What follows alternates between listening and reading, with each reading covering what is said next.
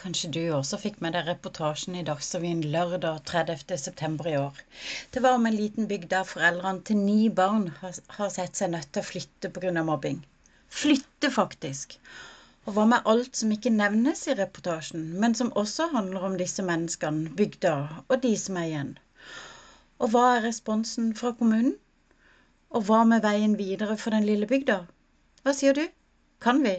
Klart vi kan snakke om det. Velkommen til ukens episode. Hei der. Jeg er Tine Hoff. En indoktrinert kulturbygger. Nerd på læring og utvikling. Sverger til støtte og drahjelp som arbeidsform. Og elsker å finne enkle løsninger som kan hjelpe sånne som deg videre i dine utfordringer med skolemiljøet eller i arbeid mot mobbing eller kompliserte mobbesaker. Er her for å støtte og gi drahjelp. For kan vi voksne jobbe i samme retning, så har vi langt større sjanse for å hjelpe barna som opplever mobbing, både kjappere og mer treffsikkert. Klart barna fortjener det. Nok prat. Skal vi gå i gang?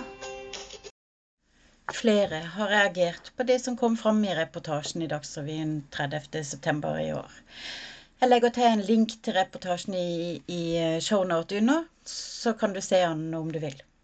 Reportasjen dreide seg altså om at ni barn har flytta som følge av mobbing og utrygge skolemiljøer over flere år.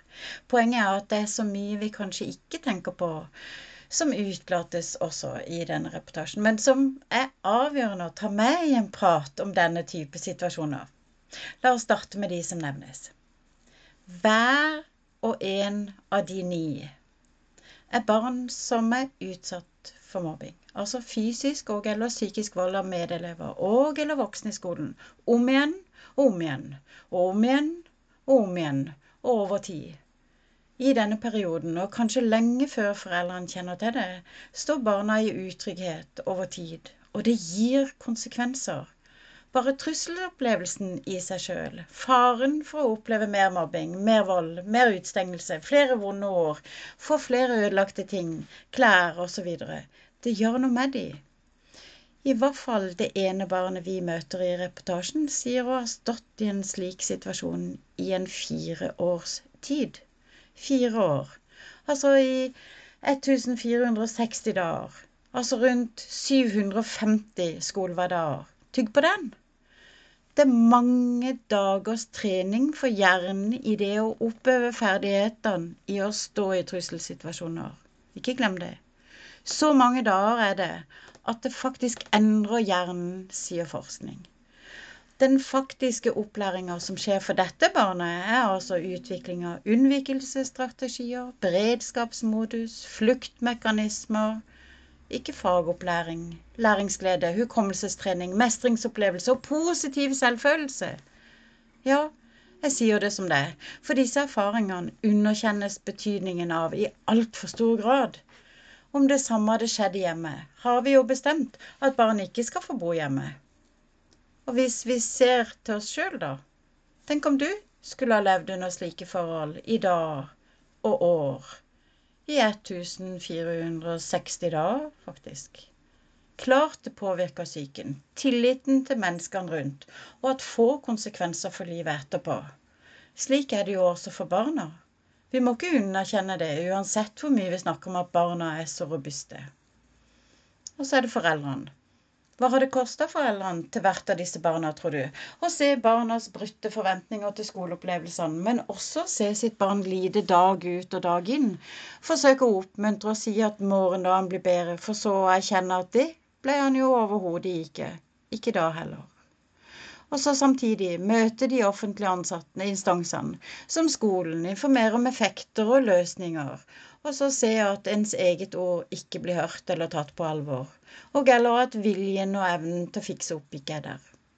Og mye har det kosta foreldrene, i krefter, i kostnader, og ikke minst for deres egen psykiske helse. Ja, for belastningene med å stå i disse sakene, særlig når de blir langvarige og ofte kompliserte, påfører mange foreldre ekstra belastninger, som en tilstand i konstant beredskapsmodus, på linje med det barna får PTSD-diagnoser av. Så vi snakker altså om mer enn ett barn som påføres tilleggsbelastninger når de opplever mobbing. Foreldrene gjør det ofte også når saker trekker ut i tid. Noen vi aldri snakker om, som jeg tenkte vi må ha med, det er jo søsknene til barnet som opplever mobbing. Også søsken dras jo med i dette flyttelasset. Tror du ikke de allerede har merka at sin søster eller bror har opplevd mobbing, at de har utfordringer, og at foreldrene slites i det som skjer. Klart det. Vi må innom selve flyttinga også. For fører ikke flytting i seg sjøl også med seg noen utfordringer, både for barnet, dets søsken og foreldrene? Kan vi ikke se at det faktisk fører med seg en haug med nye utfordringer og tilfeldige utfall? venner som forlates, nye vennskap som skal skapes, og nye relasjoner som skal knyttes og få tillit til. Tilpasninger som må gjøres før en forhåpentligvis igjen kan oppleve å høre til, for å nevne noen av usikkerhetsmomentene. På tross av alt det usikre familiene står foran, har de altså likevel sett at flyttingen er nødvendig. Det, tenker jeg, det forteller ganske mye om hvordan de har hatt det. Ikke sant? På den andre sida av dette så handler det jo også om de som er igjen. Mobbing er jo et sosialt fenomen. Dvs. Si at det er utøvere som er igjen. Hvor flere kan ha blitt utsatt selv først. Det betyr at det kan være mange enkeltskjebner igjen. Også de har behov for hjelp, akkurat som de som utsettes. Kanskje deres familier også er hardt ramma, som også trenger støtte. Hvem plukker opp de? De siste gruppen barn jeg har lyst til å trekke fram, som heller ikke ofte snakkes om, er de barna som alle Nei, som, som um, har alle følere ute absolutt hele tiden. Som føler veldig sterkt på utryggheten og endringer i skolemiljøet. Nemlig tilskuerne. De som har klart seg unna til nå. De som har valgt venner og valgt bort andre venner. Og balansert på en tynn line for å unngå å bli ramma for mobbing. Også de har stått for lenge i det utrygge, hele tiden på alerten, observert hvordan voksne har håndtert de utsatte og utøverne, og ikke minst hvordan det har gått med de. Også flere av de, om ikke alle, trenger jo hjelp. Vi må ikke glemme hvor sosialt mobbing er som fenomen. En eller annen sammenlignet mobbingens spredning med et virus. Det er slettes ikke så dumt, tenker jeg da. En kan gjøre det samme for skolemiljøet. Å skape trygge og gode skolemiljø vil utfordres hver eneste dag. Og Derfor er jo ferdighetene våre i det å skape de gode forutsetningene for elevene, slik at en kan bruke tiden på læring og utvikling, så viktig. Da må vi våge å prate om det, dele utfordringer, men også erfaringer og løsninger. Det blir altfor fort mange enkeltskjebner involvert. La oss se nærmere på kommunens svar. Hæ? Spør du meg, er det vi hører en bagatellisering av situasjonen skoleeiers representant sier. Det er altfor vanlig, dessverre. Fokuset er et helt annet sted enn på barna. Også helt vanlig, dessverre. Jeg krysser fingrene for at lokalpolitikerne i denne lille bygda ikke er særlig fornøyd med representantens utsagn. Bagatelliseringen skaper ikke rom for beklagelse til familiene, som vi heller ikke får høre i reportasjen, men som vi vet er så utrolig viktig i bedringsprosessen til hvert av disse barna. Ikke bare det, men bagatelliseringen gir ikke de gjenværende heller noen betryggelse om at situasjonen vil bli håndtert godt fremover. En ting vi begynner å bli godt kjent med, er at det å stå i trusselsituasjonene har et dragsug i seg som jeg var innom i stad.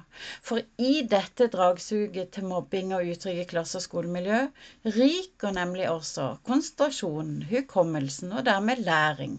Dog i noe ulik grad for hvert av barna. Altså for de utsatte, de som utøver, og for tilskuerne. Og her er vi også innom noe vi ikke snakker om, nemlig når ikke faglig læring skjer i skolen. Ja, hva da? En skole uten faglig opplæring? Klinger jo ikke godt. Da trengs ikke læreren mer da, eller? Kan de bare pakke sammen? Det kan høres flåsete ut, men her er vi inne på noe interessant, tenker jeg. For vi snakker ikke om forutsetningene som må være til stede for læring så ofte. Eller det vil si, vi, vi gjør det jo.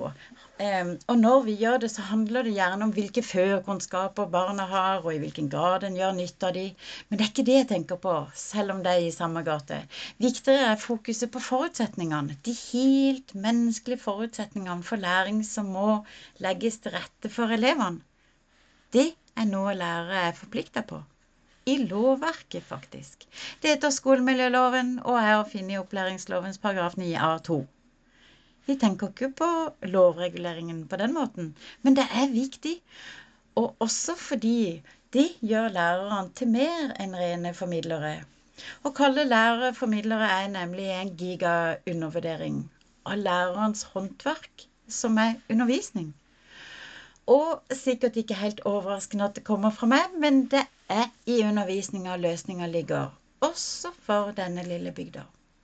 Det handler om å bruke undervisning til å bygge og sørge for knallgode miljøer som oppleves trygge og dermed gir god helse. Også undervisning til å justere når det trengs, slik at trivselen gjenopprettes, og ikke minst som legger til rette for utvikling og dermed læring. Dette er alle klar over, for all del, men det drukner i alt annet som kommer i veien av de store diskusjonene. Jeg lar det ligge nå, for vi, vi må jo videre. For hvem legger forutsetningene til rette for lærerne i Bykle? Det er jo ikke slik at ingen ledere av lærere har unngått å få med seg mobbingene og miljøene. Spørsmålet er vel heller hvor en plasserer feilen for det som skjer. Er det igjen de vanskelige foreldrene? Foreldrenes håpløse oppdragelse? Eller kan en se at effekten av dagens skoledrift ikke gir ønskede resultater?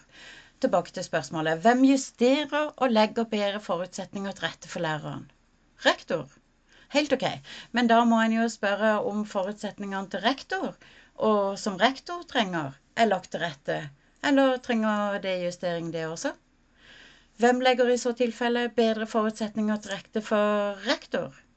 Det er gode spørsmål, ikke sant?